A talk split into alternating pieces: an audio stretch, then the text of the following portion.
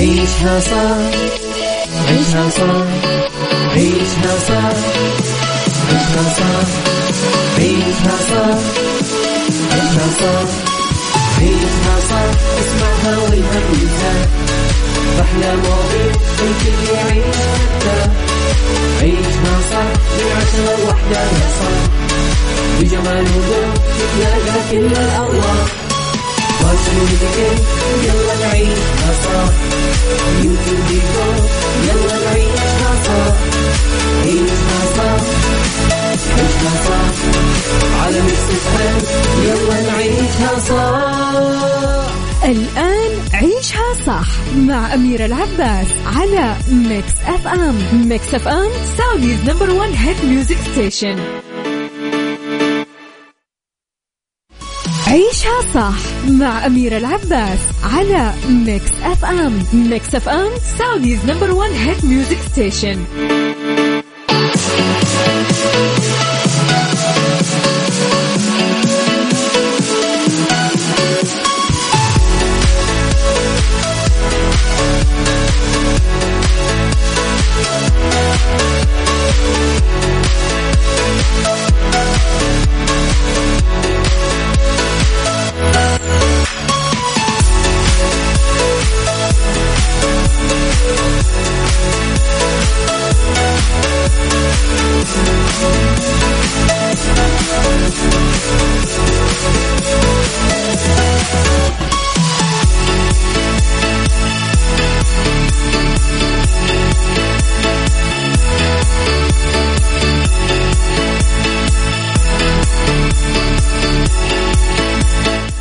حياكم الله هلا وسهلا ومرحبتين. يا صباح النور يا صباح الورد يا صباح الأنوار يا صباح التفاؤل يا صباح الطاقة الإيجابية اللي إن شاء الله تكون آه، علينا كلنا.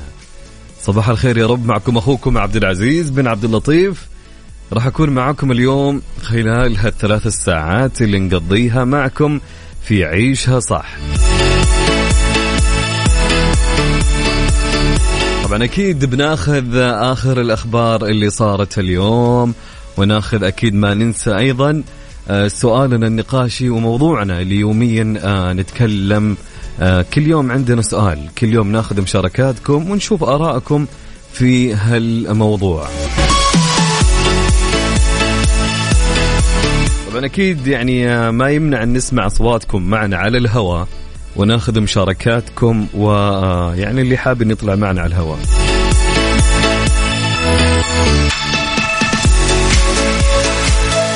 طيب قبل ما نبدأ أخبارنا وقبل ما نبدأ نسولف معكم وكل شيء يعني أبيك تصبح علي وتقول لي وينك؟ الحين يمكن أغلب الناس يعني اللي رايح الآن بدأ دوامة والنص الثاني يعني تلقاه الآن في الدوام أساسا يعني قد وصل من أول وتلقاه الحين خلاص يعني الأمور تمام معه في الدوام وصحصح وروق وشرب قهوة شرب شاهي. يعني ويكون انتهى فطور صح ولا لا؟ طيب أنا أبغى النص الثاني اللي الآن قاعد يسمعني. طيب أنت وينك الآن؟ قول لي شو تسوي؟ كيف أمورك؟ عندك إجازة عندك اوف طالع ما عندك شيء أه، رايح الدوام شغلك ميداني. صبح عليه برسالة جميلة حلوة. وأهم شيء اكتب لي اسمك حتى نقرأ اسمك ورسالتك على الهواء. حلوين؟ اتفقنا؟ حلو الكلام. okay أهم شيء كذا اكتب لي اسمك حتى نذكر اسمك على الهواء. طيب كم الرقم يا أبو عزة حق الواتساب؟ okay سجله رقم عندك خله عندك. هذا رقم الواتساب للإذاعة وللبرنامج. حلوين؟ حلوين. يلا جاهز؟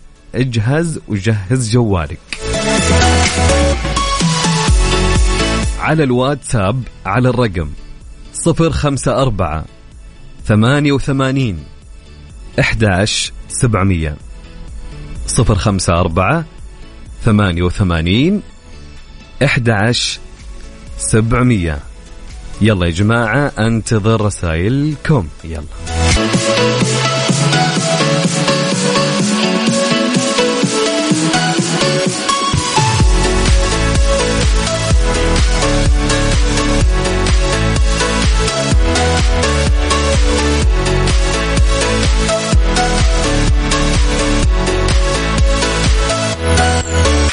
حياكم الله من جديد. هلا وسهلا ومرحبتين. هلا بكل الناس الجميلة اللي يستمعون لنا عبر أثير إذاعة Mix FM.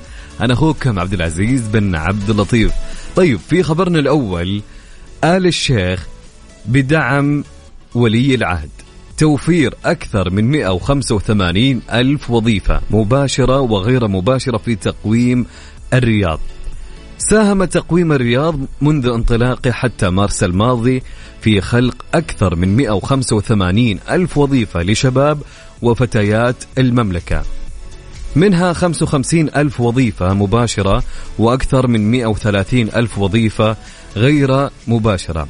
طبعا نجح تقويم الرياض الذي تنفذه الهيئة العامة للترفيه خلال الثمانية الأشهر الماضية في تحقيق نجاحات اقتصادية كبيرة آه، من خلال خلق الوظائف بمختلف المجالات حيث أكد معالي المستشار تركي بن عبد المحسن آل الشيخ رئيس مجلس إدارة الهيئة العامة للترفيه أنه بدعم من سمو ولي العهد تم توفير أكثر من 185 ألف وظيفة مباشرة وغير مباشرة مؤكدا أن القادم أكبر. طبعا يتضمن تقويم الرياض الذي تقوم عليه الهيئة العامة للترفيه فعاليات مستمرة طوال العام ويحتوي على مجموعة من الأحداث والفعاليات الترفيهية المتنوعة كما يضم عددا من الخيارات الترفيهية المميزة في مجالات العروض المسرحية والحفلات والتسوق إضافة إلى المطاعم والمقاهي المحلية والعالمية ومجموعة من التجارب والفعاليات الجديدة وعروض الألعاب النارية.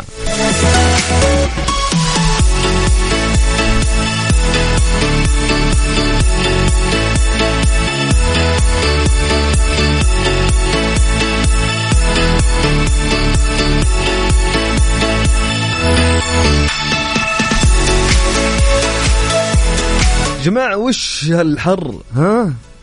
يا أخي حر يا أخي وش ذا الحر؟ أعوذ بالله. يا ساتر يا ساتر. والله الحر ما يمزح. ما يمزح نهائيا ها؟ الدنيا حر يا جماعة. طيب نصبح عليكم مرة ثانية ونقول لكم صباح النور صباحك كبدة وعدني وشغل ها؟ طيب. طيب آه، اللي حاب انه يرسل لنا رسالة صباحية على الهواء. يرسل رسالة وبنقراها كلنا. نقراها كلنا؟ أوكي حلو الكلام. طيب كم يا جماعة كم الرقم؟ طيب يا عبد العزيز اللي اتواصل فيه معك على الواتساب سجل عندك هالرقم على الواتساب على صفر خمسة أربعة ثمانية وثمانين إحدى سبعمية. صفر خمسة أربعة ثمانية وثمانين أحداش 700 ارسل لي رسالتك الصباحية اللي تكون حلوة مثل وجهك الجميل ونقراها على الهواء. تمام؟ حلوين؟ اتفقنا يا جماعة؟ يلا انتظركم.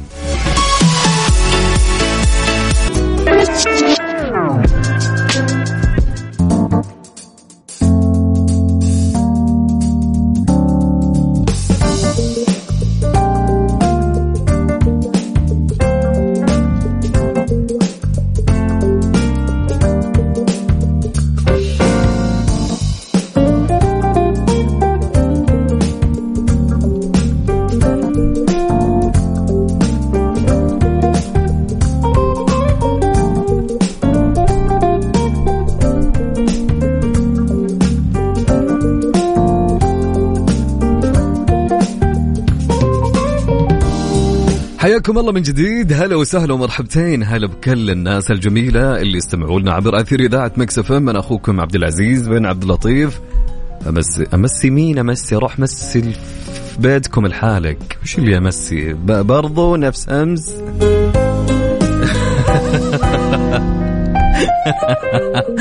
طيب أصبح عليكم. وقايل لكم أعطوني فترة تعود على أجواء الصباح. أنا إنسان مسائي. أوكي.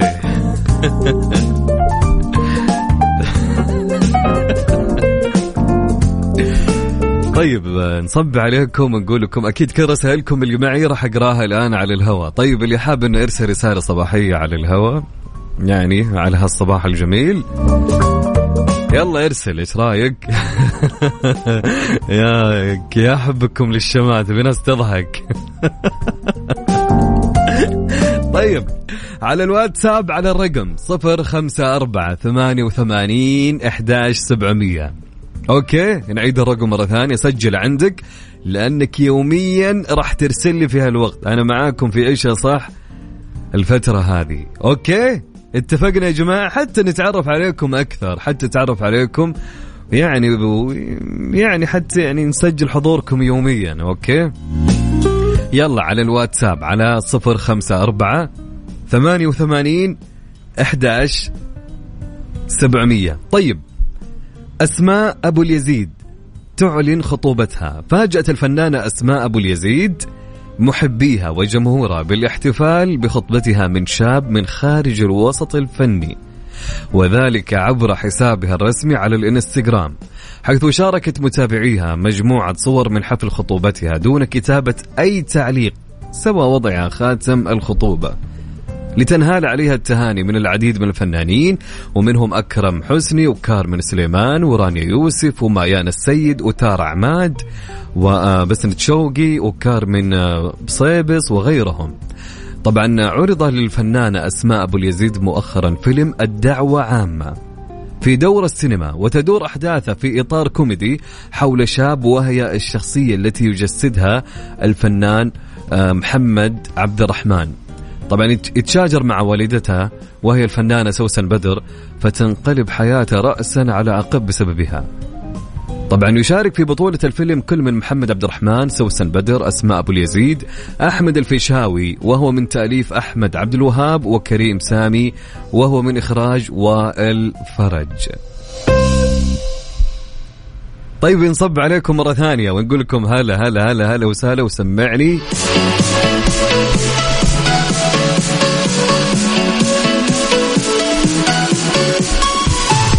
طيب رسالة معي تقول من مين؟ تقول أنا متجهجهة تحت الشمس الله وكيلك لكن الحياة حلوة. آه، ندور وظائف ربي يسهل إن شاء يا رب يا رب الله يرزقك بأحلى وظيفة تسعدك إن شاء الله. قولوا آمين يا جماعة وجميع من آه، محتاج إن شاء الله. طيب تحياتي لك يا صديقتي. هلا وسهلا ومرحبا. يا أهلين وسهلين.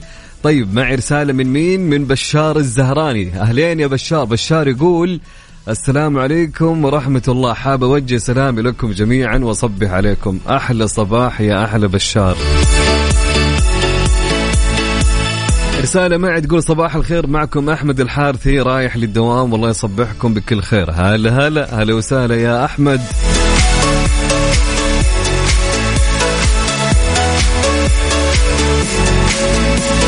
طيب مع رسالة تقول صباح الورد. طالع ترزق الله من أجل البقاء والعودة.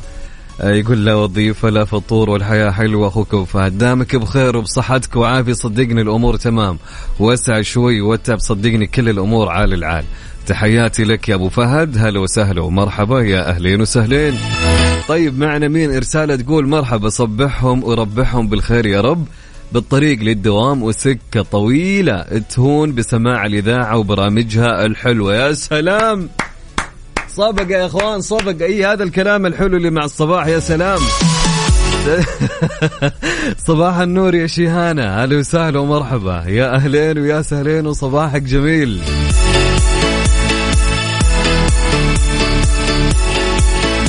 طيب رسالة معي تقول صباح الفل على حبايبنا السعوديين والمقيمين واللي مش مقيمين كمان. الجو حر وزحمة وميكس زبادي خلاط. الجو يبي له ايس كريم يا صاحبي يبي له شيء بارد. عاد أنا آخر واحد تقول يبي له شيء بارد لأني وأنا بالخط موقف اشتريت شاي يعني مع الأجواء. طيب أوكي آه مين معايا؟ معايا مين؟ مين؟ أهلا يا ضياء يا أهلين وسهلين ومرحبتين. هلا وسهلا.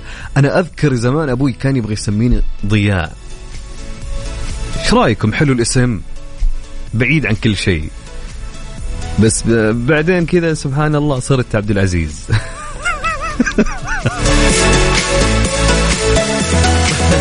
طيب الملاحظة الصوتية ما أقدر أسمعها يا صاحبي. ارسل لي ارسل لي رسالة كتابية تمام؟ okay اتفقنا؟ طيب عندي رسالة تقول كاسة حليب مع فول وتميس ومعاك الونيس آه، جوك ابدا ما يخيس. يا ساتر يا ساتر يا ساتر. يقول تحياتي لك وأنا مطفي الفوانيس. يا سلام وش هالقوافي وش هالقافية؟ ما عرفتك وش اسمك أنت؟ ما قلت لي بعد. طيب صباحك جميل يا جميل. هلا وسهلا ومرحبا. طيب عندنا يا جماعة رسالة تقول السلام عليكم. أحلى تحية صباحية. ما نقول لعيون عبد العزيز؟ لأننا ما نشوف. ونقول لصوت عبد العزيز الجميل أكيد صوتا وشكلا. أخوك مجاهد عوض, عوض الله من شوارع الرياض الملك خالد بالضبط وإذاعة ميكس المفضلة. أصبحنا مدمنيها. وفقكم الله. هذا الإدمان الحلو. صباح النور هلا وسهلا ومرحبا يا مجاهد الجميل. يا أهلا يا أهلا يا صديقنا الجميل مجاهد المعرف لا يعرف صديق الإذاعة فعليا برسائله الحلوة. يا هلا وسهلا ومرحبا يا مجاهد.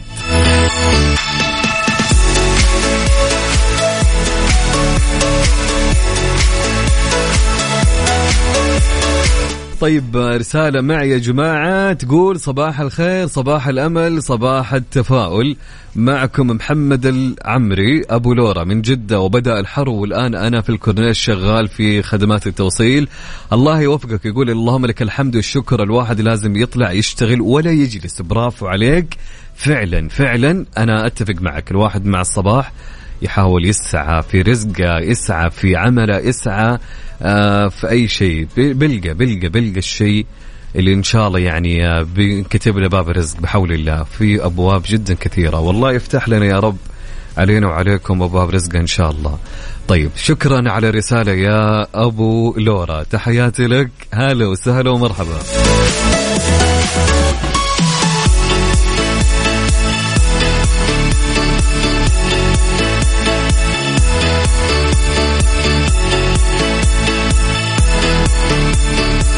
اللهم أمين يا حبيبنا يا ماجد. اللهم أمين. يعني أكيد أكيد. آه، دولتنا الحبيبه ما قصرت في آه، في خدماتها وفي آه، في كل شيء. فالحمد لله على نعمة الأمن والأمان اللي حنا جالسين نعيشها. تحياتي لك يا ماجد متروك محسن الدعجاني من مكة المكرمة. هلا وسهلا ويستعد لي صباحك. طيب عندنا يا جماعة يقول مين هو اللي يقول؟ اسمع وركز في الرسالة. يقول صراحة أنا ماخذ إجازة ورايح أدور آه، بوت على البحر. هذه أول فكرة لما صحيت من النوم. من أحمد البحري. يقول رغم الحر بس البحر ما له حل. يا سلام يا سلام. يعجبوني الرايقين بالصباح. كذا عارف القافية اللي تجي. يا سلام يا سلام يا سلام. الكلام هذا ما نلقاه مع أصحاب المساء. طيب عندنا رسالة تقول من مين؟ عبد الرحمن من اليباري يقول من المدينة. يقول حرارة المدينة بشكل عام عبد الرحمن يعني الحر الآن في كل مكان في أغلب مناطق المملكة. أتوقع صح؟ اللي عنده أمطار واللي عنده برد يقول لنا يا جماعة يعلمنا يعني حتى نعرف. طيب محمد يا جعفري هلا وسهلا. تحياتي لك. يسعد لي صباحك يا جميل. صبا يقول صباح الفل الجزاني للجميع. يسعد لي صباحك يا جميل. هلا وسهلا. طيب يا جماعة بكمل رسائلكم كلها. أكيد أكيد. على الواتساب أعطيني رسالتك على صفر خمسة أربعة ثمانية وثمانين إحدى سبعمية. يلا أنتظر رسائلكم قبل ما نبدأ في موضوعنا النقاشي. ارسل رسالتك صبح علينا نسجل حضورك على الواتساب على صفر خمسة أربعة ثمانية وثمانين أحد سبعمية. رسائل اللي عندي راح أقراها كلها. بعد ما نسمع لداليا تخيل. روق. يلا روح.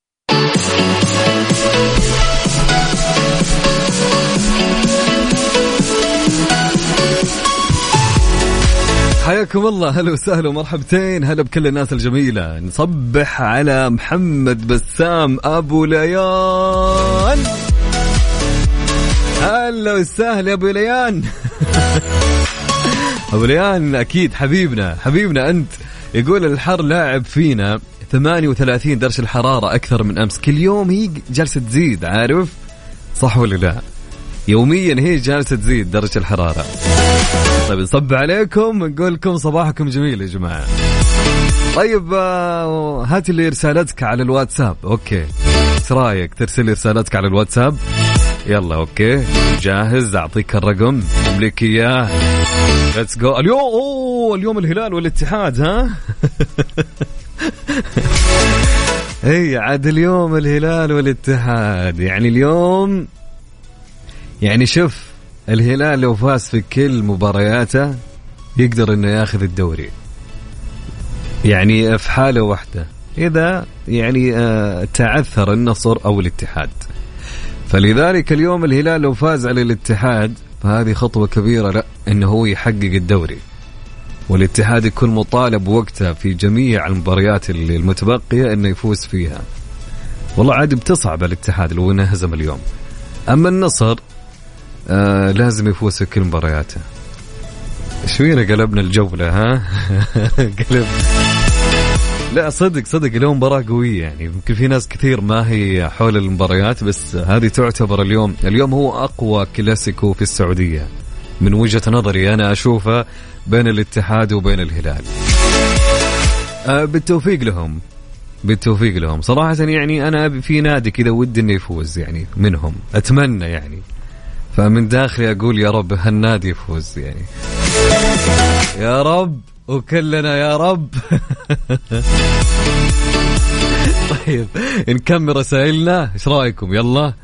الاتحاد يحتاج سبع نقاط. أنا عارف يحتاج سبع نقاط بس إذا اليوم اليوم آه، شوف إذا تعثر قدام الهلال راح يلعب المباراة الثانية وهو مضغوط نهائيا.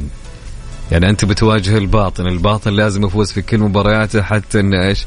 ما يهبط والباطن مستواه تعدل وتحسن وآخر مباراة قدام الطائي اثبتت ذلك ولك أن تتخيل بتلعب مع الخليج أتوقع وأيضا الخليج بيهبط. فكلهم راح يلعبون مباريات آه نهائية.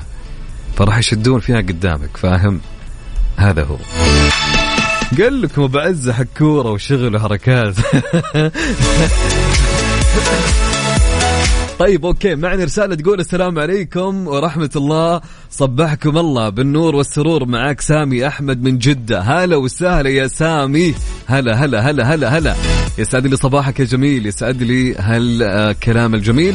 طيب عندنا في رسالة من مين؟ من مين يا جماعة؟ مين مين مين؟ مو بكاتب اسمه خليني أتأكد. أبو عمر أبو عمر يا أبو عمر. أبو عمر يقول صباح الخير أخوي عبد العزيز. آه تصور أمس أول مرة أشوفك على تويتر. متاك الله بالصحة والعافية. يا حبيبي أنت يا أبو عمر. آه يشرفني في كل حساباتي. أبد. حياك الله دائما وابدا. طيب عندنا يا جماعة في رسالة تقول أخبروا قلوبكم أنها تستحق الفرح واملؤوها بالابتسامة واستودعوها الله وكونوا مطمئنين فالسعادة ليست حلما ولا هما ولا بأمر محال بل هي تفاؤل وحسن ظن بالله والصبر بغير استعجال. صباح الخير. معكم يوسف أبو يعقوب من الرياض. يسعد لي إياك يا ابو يا أبو يعقوب على هالرسالة الجميلة ويسعد لي صباحك يا رب. طيب معنا حسن يقول يسعد صباحكم يا رب. بحب أصبح عليكم وعلى جميع المستمعين وبحب أصبح على هدى وأقولها اشتقت لك تحت المطر. بس ما في مطر يا حسن في شمس تحرق آه، الشعر. فعليا كأني كنت بس بجيب العيد. أوكي صباحك جميل يا حسن. هلا وسهلا ومرحبا. هلا هلا. صدق اشتهيت عدني أي والله. زيادة سكر. أوف. طيب. استغفر الله العظيم. طيب عنده رسالة تقول آه، صباح الأنوار. السلام عليكم صباح النور. معكم عبد العزيز العنزي من الخبر. مع عزوز آه، تضحك على طول. الحياة سعادة بكل تفاصيلها. أنا جوي صباحي السمي استمر يا مدير. يا سلام.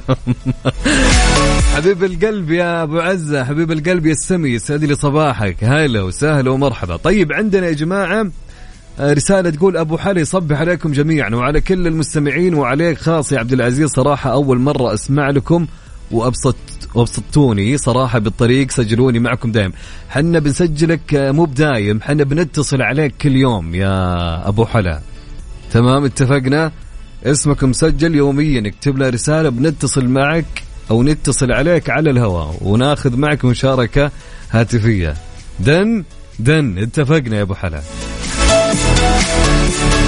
عايض البقمي. هلا وسهلا ومرحبا. يقول عايض السلام عليكم. أسعد الله صباحك بكل خير. اللهم أدم علينا نعمة الأمن والأمان والاستقرار. اللهم أجرنا من نار جهنم. أشكرك على برنامجك الممتع مع هذا الحر. العفو تحت الخدمة. حبيبي أنت يا عايض منور ويسعد لي صباحك. طيب صباحك الله بالنور والسرور والورد المنث... اليوم مسك معكم قوافي أنتم صح؟ معك أخوك حسن الفيفي من جازان من جبال فيفا. الجو عندنا خضار وأمطار. ما شاء الله تبارك الله. هذه الأجواء الحلوة اللي تفتح النفس. بس في الظهر بتنشوي هناك صح؟ طيب. عندنا يا جماعة مين رسالة من مين؟ من مين؟ من مين؟ من مين؟ من عبد الله هلا والله عبد الله يقول صباح الخير القصيم جوها اليوم مطر مع دجاج أوه حلو. يا سلام يا سلام. يا جمال القصيم يا أخي. يا أخي يا حلو القصيم. طيب رسالة معنا يقول صباح الفل يا أجمل إذاعة في المملكة. من قلب الرياض اليوم ما بيحلى إلا بيكم الله. من عبدو محمد حبيب القلب يا عبدو هلا وسهلا ومرحبا. يسعد لي صباحك يا جميل وصباحك يا رب تفاؤل. رسالة تقول يسعد صباحكم يا رب. إذا الإذاعة تخليك تبتسم رغم الحر. أخوك محمد من السودان ربي ينعم علينا بالأمن والأمان. دعواتكم. يا رب يا رب.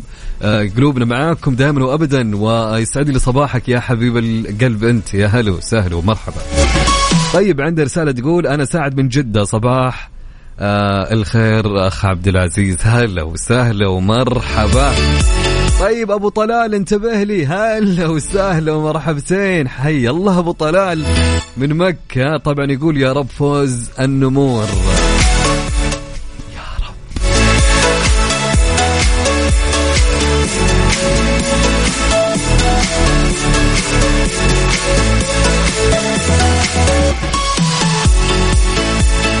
طيب عندنا رسالة تقول هلا وسهلا يا حبيبي صباح الخير.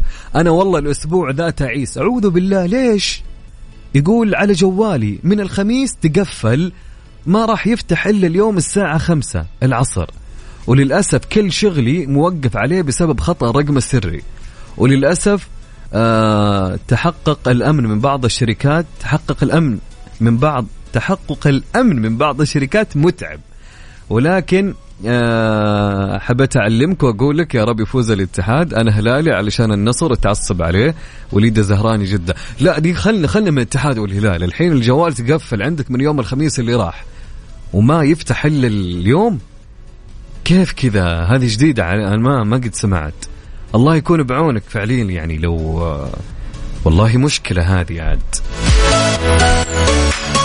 أنا أذكر مرة أنا ما أدري هل أنت تتكلم على الرمز السري للآيفون؟ ما أدري. أنا مرة كذا تقفل جوالي ويعني أدخلت عدة محاولات. خليني أقول لك يمكن آه، خمس أو ست مرات تقفل نهائيا جاني تم الإقفال نهائيا ورسالة كذا في عارف؟ فخفت لا عادة اللي أعرفه يعني خمس دقائق أو ساعة وحاول مرة ثانية إذا كم مرة. بس أنا جاني تم الإقفال نهائيا يعني خلاص ما راح يفتح. ففي طريقة واحدة سويتها في آه، عند شخص من الأشخاص في إحدى المحلات فسوالي فورمات يعني الجهاز رجع من جديد واشتغل معي في نفس الوقت. طيب آه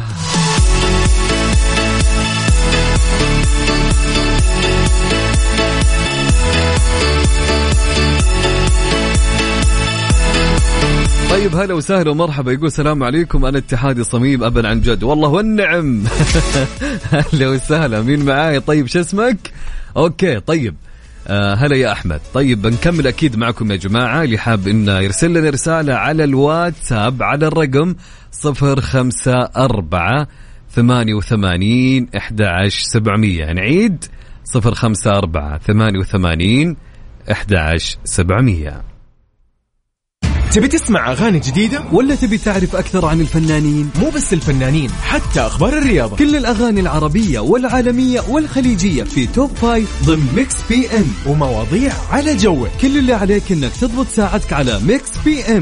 Mix FM مع يوسف مرغلاني. من الأحد إلى الخميس عند الثامنة وحتى العاشرة مساء على Mix FM. Mix FM Saudi's number one hit music station إيش رأيكم نعيد يلا على صفر خمسة أربعة ثمانية وثمانين أحد سبعمية. أرسل لي رسالتك وراح أقراها على الهواء.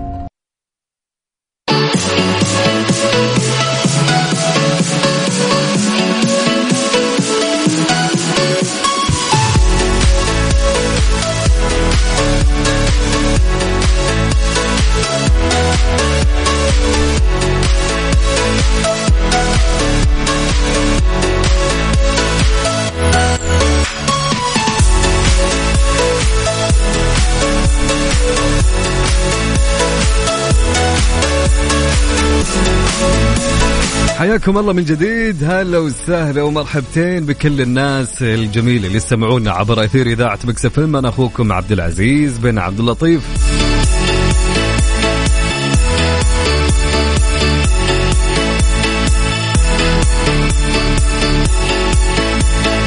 طيب معي رسالة تقول السلام عليكم صبحكم بالخير والعافية. إن شاء الله النمور تفوز اليوم معك أبو تركي الجيش من جدة. هلا وسهلا أبو تركي. هلا ومرحبا يا أهلا.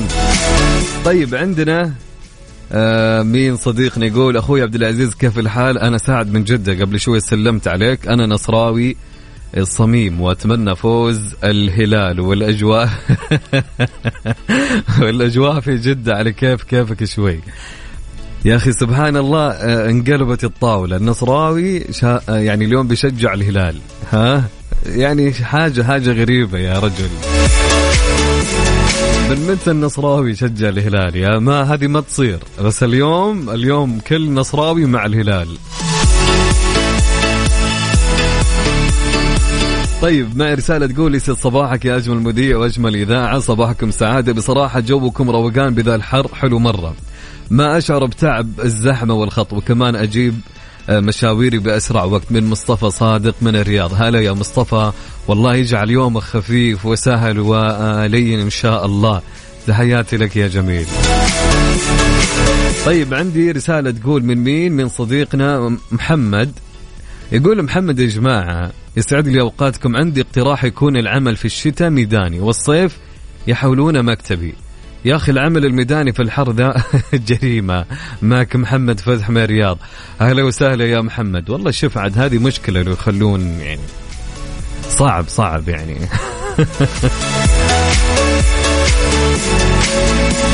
أنا عارف إن المصلحة تحكم يا عبدو إن النصراوية يشجعوا الهلال. أنا عارف كلنا عارفين. طيب نبدأ في موضوعنا يا جماعة عشان ناخذ اراءكم في موضوعنا. يلا ليتس جو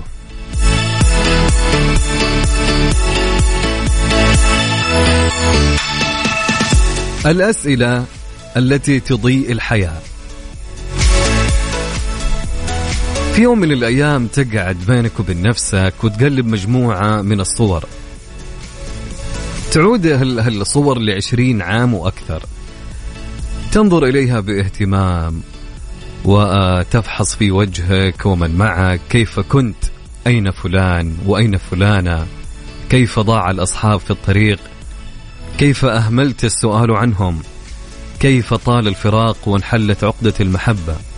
وفي صورة أخرى بيت شبابك وأيامك الحلوة ونسف قلبك بيت العائلة حيث الأخوة والأخوات والجيران وتجمعات الأيام الحلوة وتتساءل أين ذهب ذلك كله؟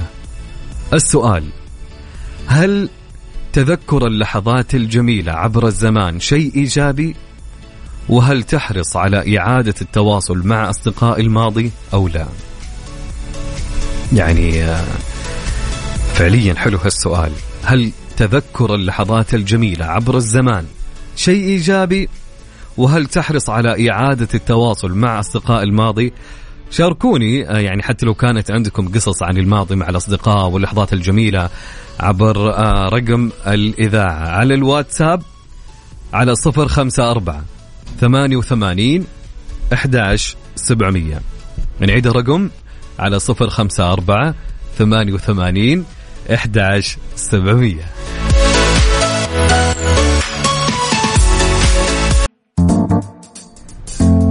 حياكم الله من جديد. هلا وسهلا ومرحبا مستمعينا عبر أثير إذاعة مكسف إم.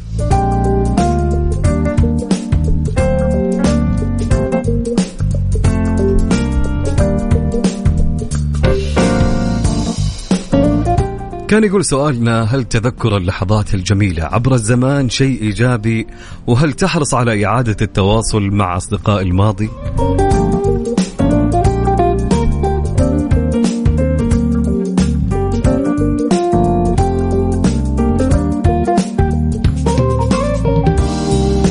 في أوقات معينة نصبح أكثر هشاشة مما كنا نتصور أنفسنا. فقد كنا نظن أننا أقوياء بما يكفي لنواجه الظروف الصعبة والأحزان العميقة وفقد الأحبة ولحظات الفشل. وتلك اللحظات التي ينتابنا فيها شوق جارف لا سبيل لإيقافه شوق لأشخاص لم يعد ممكنا أن نراهم ثانية. ولمنازل سكناها في سنوات بعيدة لأصحاب تواروا في الزمن. تحت رحمة الشوق تغدو هشاشتنا أشبه بنوبة بكاء. فلا ندري كيف نتصرف. ويلجأ معظمنا للذاكرة للصور لأرقام الهواتف القديمة لأماكن لم نزرها منذ سنوات في تلك اللحظات. يكون الحنين صعبا والذاكرة ملجأنا الوحيد. ومن جديد نلجأ لطرح أسئلة أشبه بالبكاء والندم. أين جاري الفلاني؟ أين زميلي المفضل في الابتدائية؟ ماذا يفعل؟ آه، جارتي صاحبة الطبخ اللذيذ لماذا أهملت السؤال عنهم؟ ولماذا اختفى كل منا عن الآخر؟ وهكذا. هذه الأسئلة التي تطرحها على الماضي يمكن أن تضيء بصيرتك من حيث لا تتوقع. كما يمكنها أن تفتح لك أبوابا مغلقة في حاضرك المعلق على جدار الحيرة.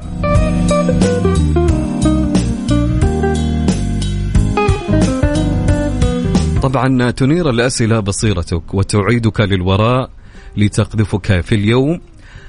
تصف الوجوه والأسماء أمامك. تحاكمك وتؤنبك وتهزك تهز قناعاتك بقيم الحداثة وبقيم ما بعد الحداثة قيم العائلة والأخلاق والتغيير الاجتماعي الحتمي والشعارات الكبيرة جدا التي تعرف أنها حق يراد به باطل. شعارات الحقوق الحريات الشخصية حق الاختيار لكنك تقر بأنك كنت أكثر حرية فيما مضى. تتمتع بحقوقك وراض بحياتك مستمتع برفقاء مدرستك وجيرانك. صحيح أنك لم تمتلك هاتفا ذكيا ولا منصة رقمية لمشاهدة الأفلام ولا تعرف شيئا عن الماركات العالمية في تلك الأيام لكن أيا من ذلك لم يكن ينقصك. عافيتك ضمن عيشها صح مع أميرة العباس. عافيتك برعاية المركز الطبي الدولي على Mix FM.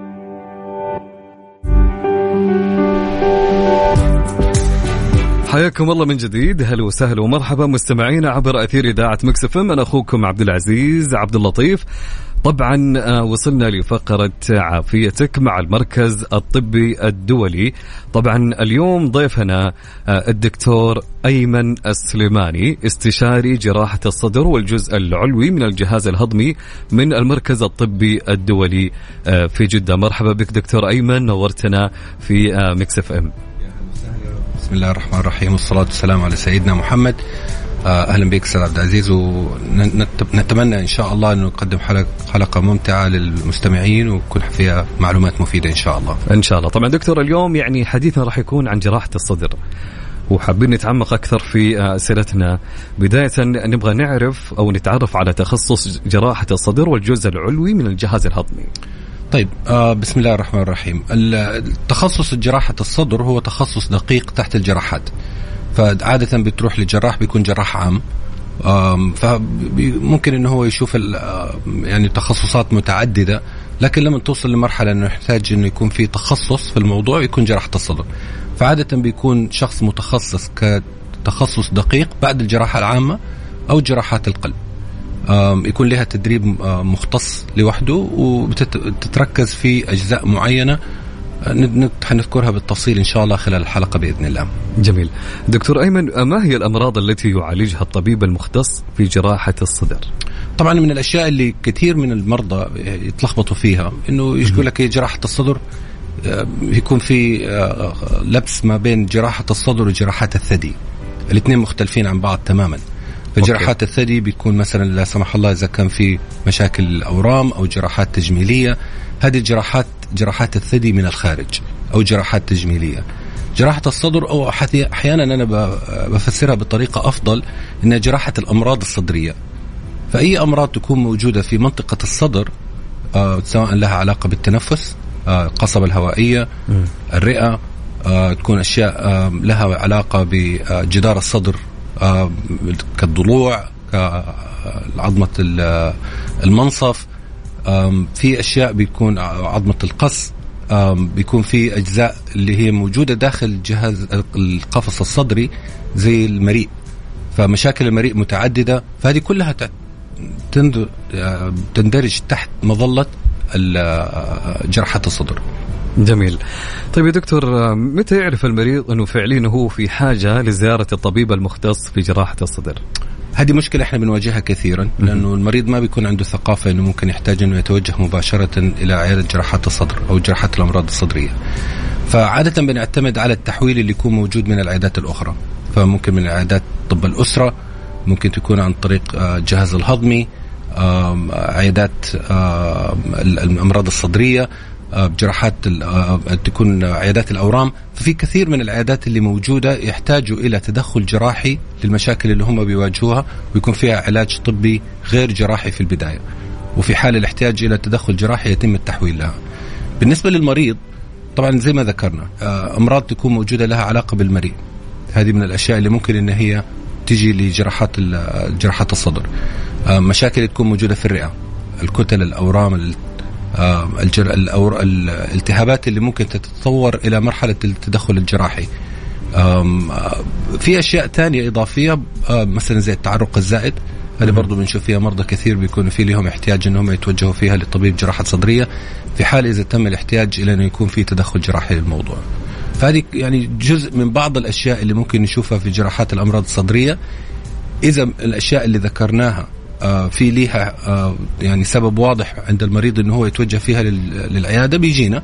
غير كده وهذا اللي إحنا يعني انتهجناه عندنا في المركز الطبي الدولي إنه يكون في منظومة بحيث إنه يكون في تحويل للحالات من بعض العيادات إلى عيادة جراحة الصدر في حال الاحتياج لها. وفي نفس الوقت المريض ممكن إنه هو يجي مباشرة يتوجه لعياده جراحة الأمراض الصدرية. جميل جدا. دكتور أيمن آه، نسمع بالاسترواح الهوائي. كيف يتم علاجها جراحيا دكتور؟ طيب إحنا حنعرفها أول عشان إنه برضه يكون في في لبس في الموضوع. آه كثير من المرضى بيجونا بيقولوا إنه في عندنا استرواح هوائي أو ثقب في الرئة أو تسريب هواء. يعني هذه يعني ال- ال- التعريفات الدارجة اللي إحنا بنسمعها من كل من فترة والتانية. هي فعليا إنه يكون الرئة في آه على جدار الرئة آه يكون في ضعف موجود آه بحيث إنه بإمكان الهواء ممكن إنه هو يخرج من الرئة نفسها ويتسرب لتجويف الصدر. فيتم الضغط طالما إنه هو مكان مغلق. فالهواء اللي بيتجمع داخل آه الغشاء البلوري بيضغط على الرئة وبعدين بيضغط على القلب ويسوي مشاكل. فعادة هذه المشاكل آه، بنواجهها من فترة والتانية. كثير من ال- الأشخاص غالبا بيكونوا صغار في السن في العشرينات من العمر آه، يكونوا مدخنين يكونوا طوال يكونوا نحاف. هذا التعريف اللي دائما دارج موجود. طبعا غيرهم ممكن انهم يجيهم نفس الأعراض بس هذه كثير اللي إحنا تجينا وبيجي له بألم في الصدر أول مرة يحس فيه. جزء كبير منهم يكونوا مدخنين. مع الكحة حقت التدخين بيبدأ يصير في ضغط موجود على الحتة اللي هي شوية تعتبر ضعيفة في جدار الرئة ويتم تسريب الهواء وبعد كده يبدأ يتجمع الهواء. فالهواء ده إذا الثقب لا زال مفتوح لابد من تدخل سريع بأن إحنا نحط أنبوب عشان يخرج الهواء على برا وتعتبر من الحالات الطارئة اللي لابد التدخل فيها بسرعة. فنجي بعدين للسؤال اللي هو متى نتدخل جراحيا؟ أيوه. فهنا يكمن الموضوع إنه هل في احتياج إنه نحن نسوي عملية على طول ولا ممكن إن إحنا ننتظر؟ طالما إنه الأنبوب موجود والتسريب وقف ممكن انه إحنا ننتظر ونشوف. في احتمال كبير إنه ممكن إنه هو ما يرجع ثاني مرة لكن ما بين 10 إلى 20% من من الأشخاص اللي جاتهم المشكلة هذه أول مرة ان هي ترجع تتكرر مرة أخرى. طبعا التدخين جزء كبير فيها دائما بننصح إنه يبتعدوا عن التدخين. بالإضافة إلى التأكد إنه التسريب في نفس الفترة هذه اللي حصلت أول مرة إنه وقف بشكل كامل. فهذه يبغى لها يعني شخص مختص جراح صدر إنه هو يشوف الموضوع. آه وبعد كده لما نوصل لمرحلة الجراحة حيكون التدخل عن طريق المنظار الجراحي. وهذه من الأشياء برضو من التقنيات اللي تكون موجودة وهذا اللي إحنا دائما نحث فيه بالنسبة للمرضى يتوجهوا إلى مكان مختص يكون في جراح صدر مختص يقدر إنه يسوي العمليات هذه عن طريق الجراحة بالمنظار. لأنه حاليا الآن في لله الحمد كل التقنيات موجودة إنه ممكن نتدخل آه، بتدخلات بسيطة ثلاث فتحات ممكن تكون فتحتين أحيانا بتكون فتحة واحدة بس لا تتجاوز ما بين سنتي إلى 2 سنتي نقدر ندخل نشوف فين مكان الثقب اللي موجود. يتم استئصاله بشكل كامل وعمل شوية أشياء داخل تجويف الصدر بتمنع إنه هو يرجع للاسترواح الهوائي مرة أخرى. جميل جدا دكتور أيمن السليماني استشاري آه، جراحة الصدر والجزء العلوي من الجهاز الهضمي من المركز الطبي الدولي. طبعا مكملين معكم مستمعينا عبر أثير إذاعة Mix FM مع الدكتور أيمن. عافيتك ضمن عيشها صح مع أميرة العباس. عافيتك برعاية المركز الطبي الدولي على Mix FM.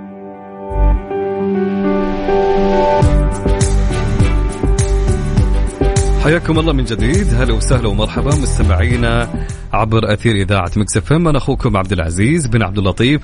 طبعا في فقرة عافيتك مع الدكتور أيمن السليماني استشاري جراحة الصدر والجزء العلوي من الجهاز الهضمي من المركز الطبي الدولي في جدة. مرحبا بك دكتور أيمن مرة ثانية. يا هلا وسهلا. آه، دكتور أيمن آه، نستكمل حديثنا. فسؤالنا آه، الآن يقول عن المقصود بالتعرق الزائد. طيب أشكرك على السؤال أخي عبد العزيز. أعتقد إنه هي مشكلة منتشرة في المجتمع وما تم تسليط الضوء عليها بشكل كبير. كثير من الأوقات تروح مثلا تكون في اجتماع عائلي أو في مناسبة وتجي تسلم على الناس وتلاقي إنه في ناس تتحرج إنها هي تمد يدها عشان إنها هي تسلم تستغرب. آه تلاقي ناس في مكان عملهم إنه هو منزوي في مكان معين وما بيحاول إنه هو يختلط مع بقية الزملاء اللي موجودين.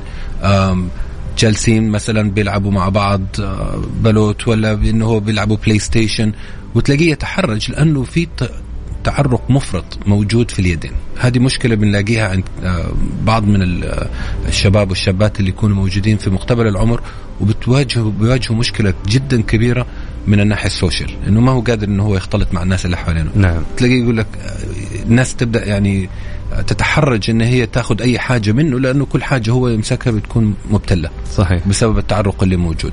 فهذه مشكلة موجودة فهذه يتم يعني تعريفه بإنه هو تعرق زائد عن الطبيعي بيكون موجود في أماكن متعددة في الجسم.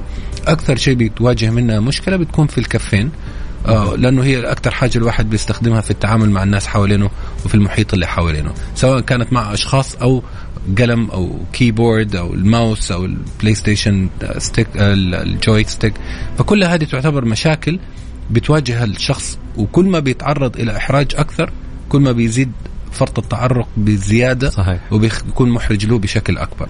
آه برضو ممكن تكون تحت الإبطين ممكن إن هي تكون موجودة في الوجه ممكن تكون في القدمين. ممكن تكون في الجسم من الأمام ومن الخلف ففي أماكن متعددة. طبعا كبداية بيكون في لها بعض الفحوصات عشان نتأكد إنه ما يكون في لها سبب عضوي. آه, آه، مثالا لها آه فرط نشاط الغدة الدرقية. ممكن تكون مشاكل لما يكون في اللي هي anxiety disorder أو يعني لما يكون في نوع من الاضطراب بيكون موجود في حالات اللي هو مثلا في وقت الاختبار أو في وقت مقابلة أو حاجات زي كده. ممكن إنه هي يكون في فرط تعرق موجود. لكن مجملا اللي هي بتكون موجودة عند كثير من الناس بتكون ما لها سبب. فهنا نبدأ نفكر في أي تدخلات جراحية ممكن إن يكون في أي علاج لهذه المشكلة. فالعلاجات الأولى تكون عن طريق مثلا بودرة أو يكون في كريمات معينة عشان تقلل من أثر التعرق هذا اللي موجود. آه، بتكون يعني حاجة بسيطة لما يكون التعرق بسيط وممكن إن هي التحكم فيها بس لما يكون التعرق مفرط ساعتها حندخل إحنا إلى تدخلات أخرى.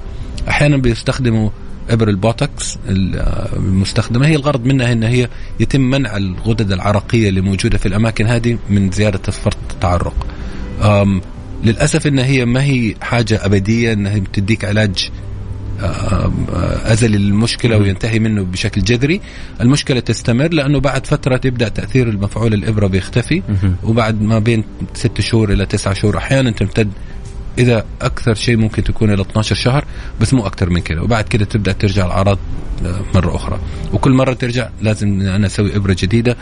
وفترة التحكم بتقل كل مرة ما تستخدم الإبر بصفة متكررة. فهل الفترة هذه دكتور يعني ال- التعرق راح يتوقف نهائيا من خلال؟ إي مع الإبر هذه يعني بيتم تخفيفها بشكل كبير واحيانا بتختفي بشكل كامل. بس بالنهاية ممكن ترجع إلى تعرق بسيط اللي هو المتوقع. بس جميل. المشكلة لما ترجع ثاني مرة ترجع بنفس الحدة اللي كانت موجودة عليها سابقا. فهنا ندخل إلى مرحلة جراح الصدر كيف ممكن إنه هو يحل المشكلة أيوه. بالتدخل الجراحي. فعلاج المشكلة يكون عن طريق الجراحة. طبعا في عصب موجود داخل تجويف الصدر. هو اللي بيكون مسؤول عن الإفرازات اللي موجودة في الغدد العرقية. آه، على حسب فين المكان اللي يكون التعرق موجود. في ليفل معين نقدر نشوف العصب فيه ويتم التعامل مع العصب. يعني ما حندخل في في يعني تفاصيل تقنية كثيرة لكن ممكن إنه هو يكون آه، فصل العصب بشكل كامل أو ممكن نحط عليه دباسات بحيث إنه هو يمنع ال- الإشارات اللي تكون موجودة من العصب إلى الغدد العرقية اللي موجودة سواء كانت في الكفين أو في الإبطين. هذه أكثر الأماكن اللي يتم الاستجابة لها. إلى حد ما بنسبة أقل يتم التحكم في التعرق اللي موجود في الوجه وفي القدمين. لكن صراحة يعني في قصص كثيرة شفتها كانت من آه، من المرضى. يقول لك يعني العملية غيرت حياتي بشكل كامل 180 درجة. آه سلام. أنا شفت ناس كانوا مهندسين. يقول لك أنا ما أقدر أطلع على الموقع الأوراق حقتي كلها تكون مبتلة. آه، الطلبه يكونوا في أوراق اختباراتهم تكون مبتلة. آه، حتى من في- السلك العسكري يقول لك أنا ما كنت أمسك ال- ال- ال- ال- ال- الرشاش في إيدي ماني قادر أعشق آه إيه. من كتر ما يده هي مبتلة فيعني صراحة آه، أنصح بشكل كبير زيارة آه، طبيب مختص في جراحات الصدر في حالة ما كان في شخص عنده مشكلة في التعرق المفرط يا سلام جا. حتى نفسيا دكتور بتعدل من وضع النفسي جدا يعني بشكل كبير, والله صحيح. كثير جوني بيقولوا لي يعني تغيرت حياتي 180 درجة صح. كان إنسان منغلق مو قادر يتعامل مع الناس اللي حوالينه مو قادر إنه هو يختلط بالمجتمع اللي حوالينه دكتور هل هل يعني هالشيء يمكن يخلي الشخص يكون انطوائي بشكل كبير؟ أكيد أكيد وشفناها يعني. تلاقيه انه هو يقول لك أنا أتحرج إني أنا أكون موجود حوالين الناس حواليني لأنه أول شيء بيطالبوا إنك أنت لما تكون في مجتمع إنك أنت تجي السلام عليكم لازم يمد. يده عشان يسلم عليك مم. فلما تكون يده مبتلة بي- بيحس بحرج كبير حتى لو إنه هو الشخص اللي أمامه ما عنده مشكلة في الحكاية دي مم. بس هو كشخص حاسس إنه المشكلة دي محرج. ممكن تسبب له إحراج نعم جميل طيب آه، دكتور آه، متى يوصي آه، جراح الصدر بضرورة إجراء عملية است- استئصال أجزاء من الرئة؟ طيب هنا حندخل في في موضوع ثاني فاستئصال الرئة يعني هذه من العمليات اللي كثير يقول لك هذه عمليه عملية استئصال رئه يعني الموضوع مرة كبير. طبعا التقنيات اللي تم تحديثها في خلال ال 20 25 سنة الماضية جعلت الموضوع ما هو بنفس ال- الخطورة اللي كان موجود عليه سابقا. طبعا ما هي مجرد إن هي تعتمد على الجراح أو تعتمد على المكان أو تعتمد على الأجهزة هو لازم يكون في منظومة متكاملة. تكون موجود. فأي شخص يكون عنده مشكلة تم نصحه فيها بأنه يتم إجراء عملية لاستئصال جزء من الرئة لابد أنه يروح لمركز مختص. كيف حنعرف المركز المختص؟ رح يكون في كل الخدمات اللي ممكن المريض يحتاجها. من التخدير للجراح للتمريض للأدوات اللي موجودة للعناية المركزة لأطباء الصدرية آه، مركز أورام متكامل.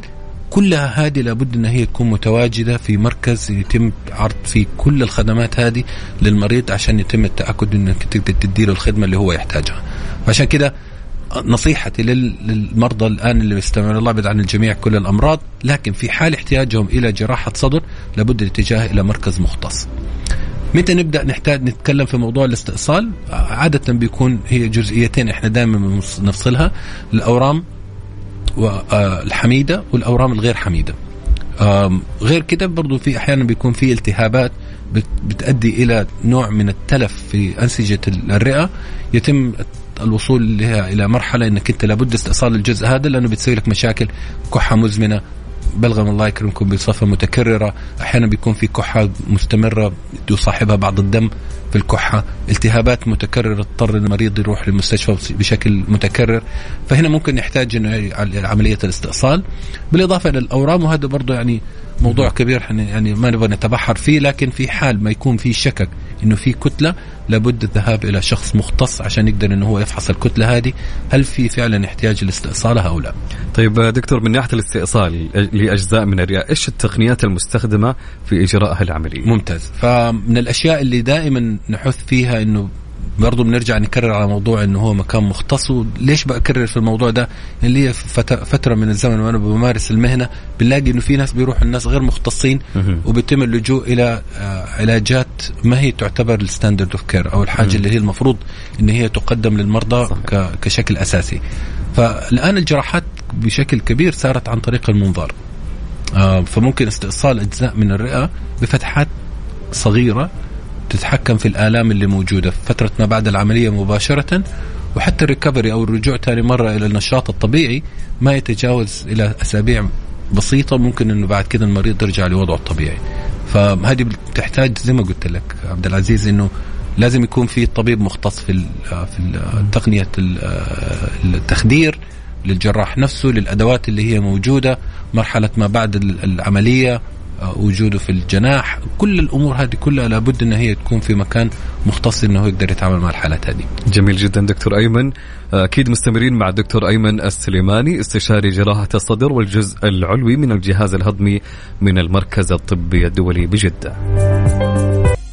عافيتك ضمن عيشها صح مع أميرة العباس. عافيتك برعاية المركز الطبي الدولي على Mix FM.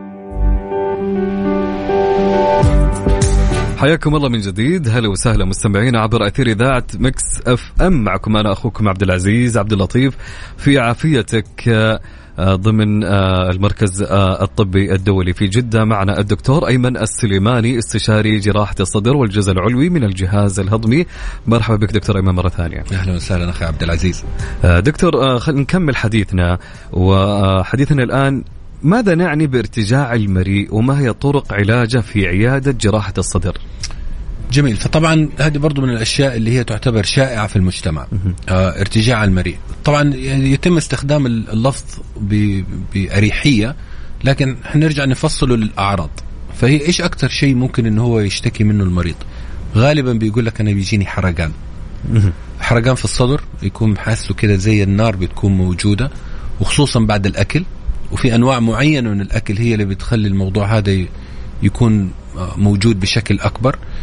فطبعا آه، يعني ما هو ما هو يعني هذا السبب الرئيسي يكون ارتجاع المريء وممكن ننظر إلى أسباب أخرى ممكن تكون هي. السبب لابد إنه إحنا نتأكد إنه ما في مشاكل في القلب أو مشاكل في التنفس أو أي أعراض أو مشاكل أخرى بتسبب الأعراض هذه.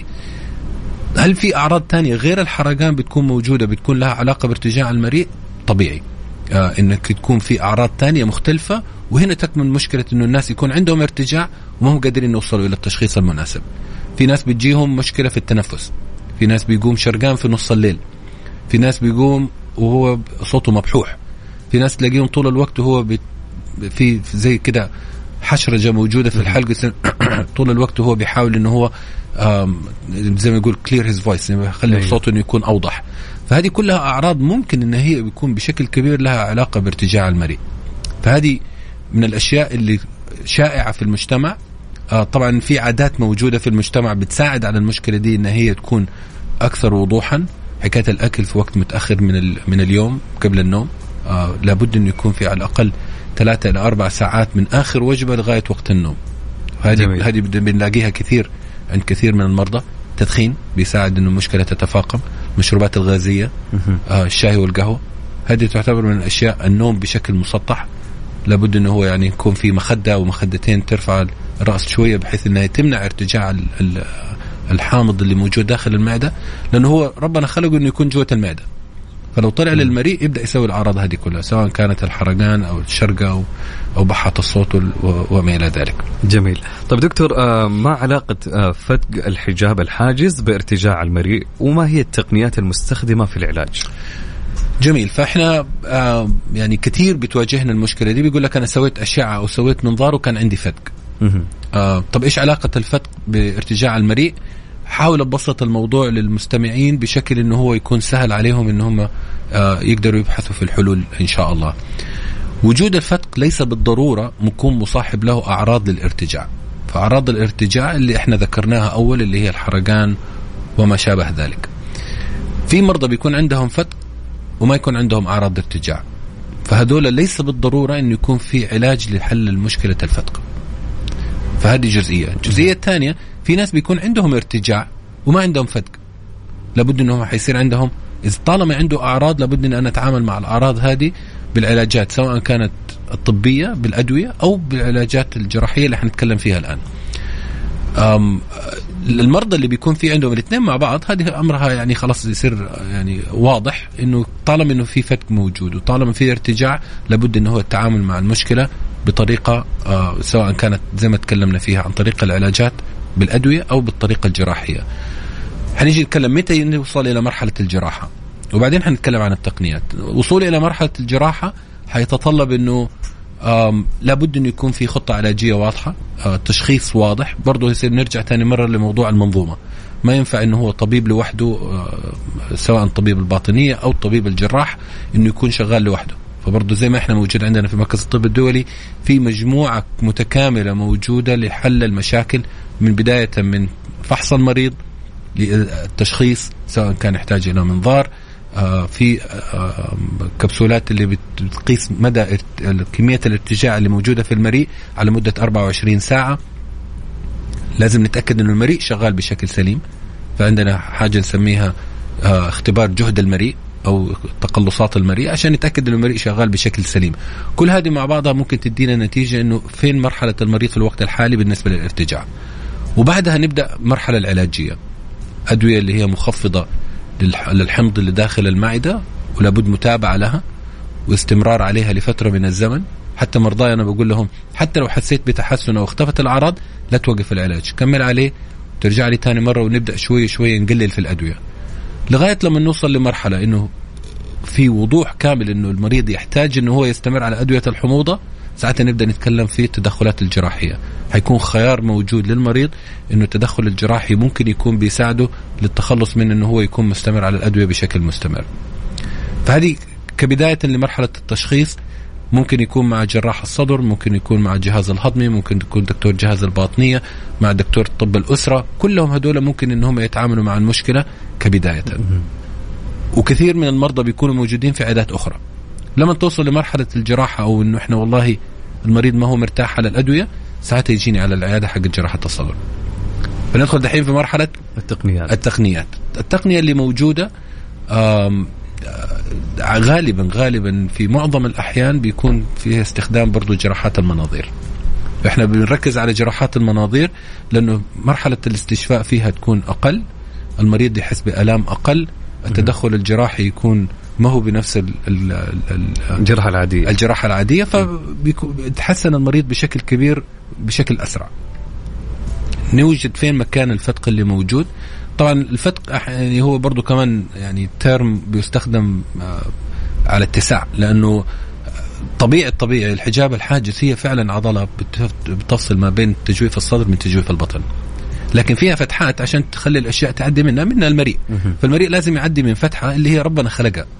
الفتحة هذه لو وسعت وبدأ المعدة تطلع في مكان غير طبيعي داخل تجويف الصدر هذه هنا في مشكلة وهذه لابد إن إحنا نرجعها الوضع الطبيعي. فعلى حسب كبر المشكلة في الغالب ممكن نحن دخول عن طريق البطن بجراحة المناظير في داخل البطن ونرجع المعدة لوضعها الطبيعي نشوف فين الفتق اللي موجود في الحجاب الحاجز بنقفله بعدين نعمل عملية ربط لفم المعدة لمنع المعدة إن هي ترجع ثاني مرة لتجويف الصدر. أحيانا بتتفاقم الموضوع لدرجة وشفناها برضو عندنا في المركز المعدة كاملة تكون موجودة جوة الصدر. يلا.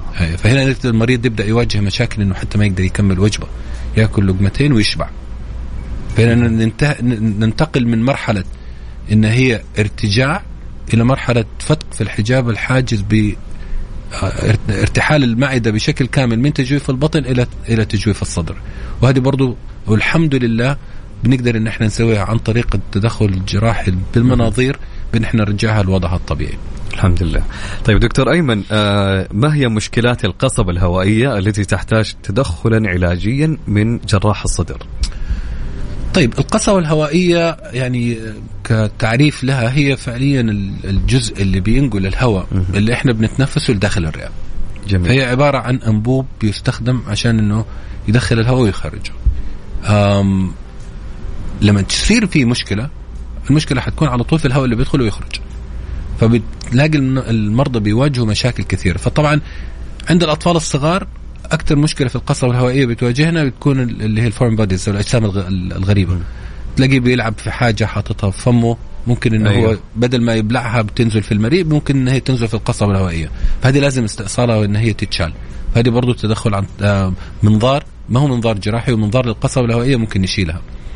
ندخل بعد كده في مرحلة إنه هل في ممكن يكون في ضيق موجود داخل القصبة الهوائية؟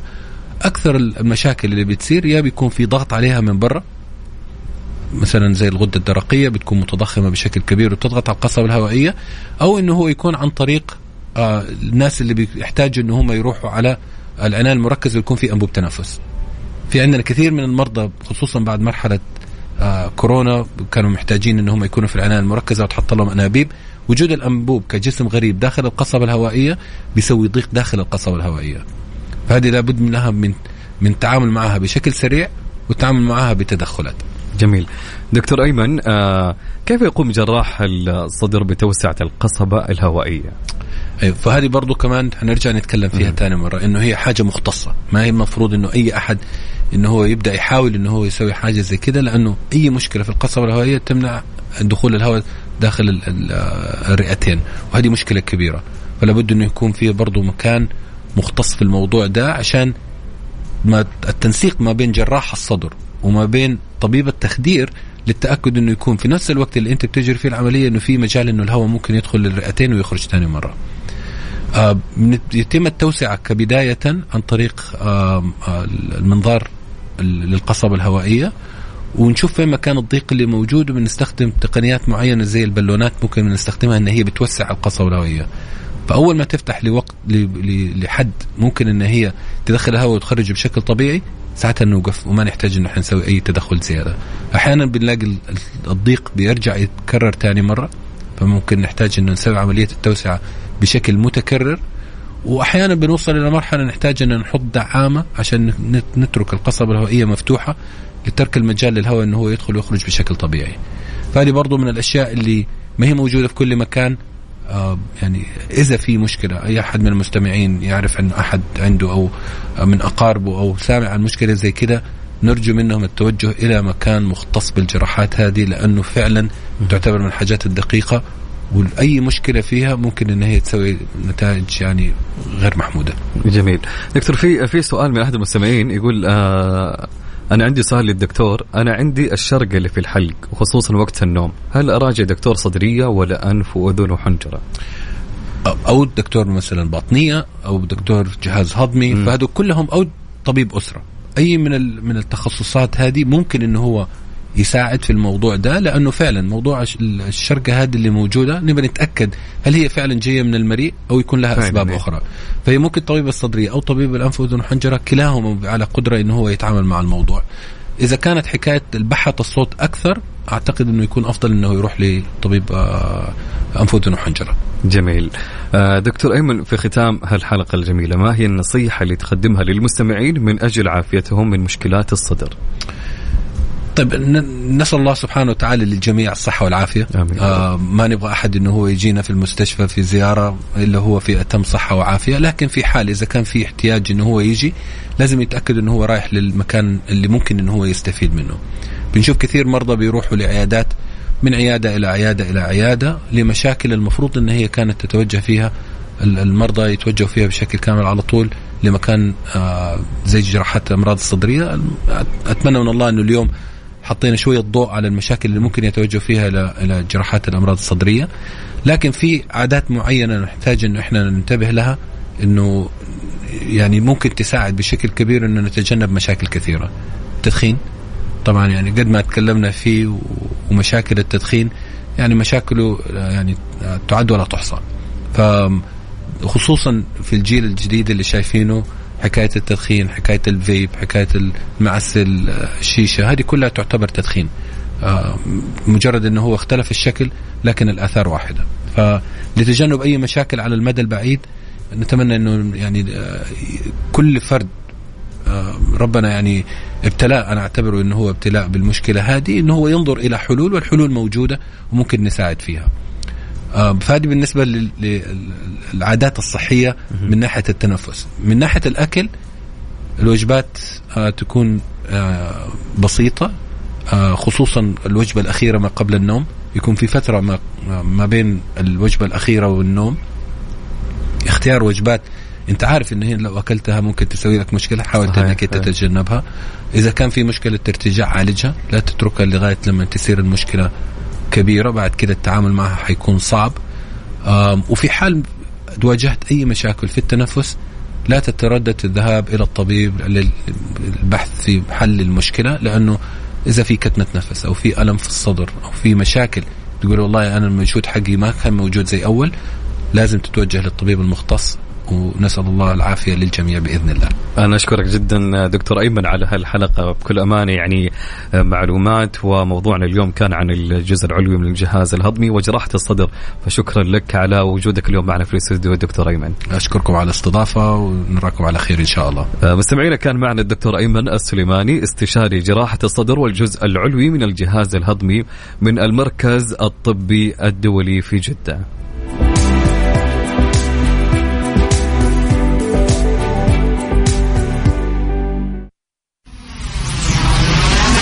Mix FM. Mix FM. Saudi's number one hit music station.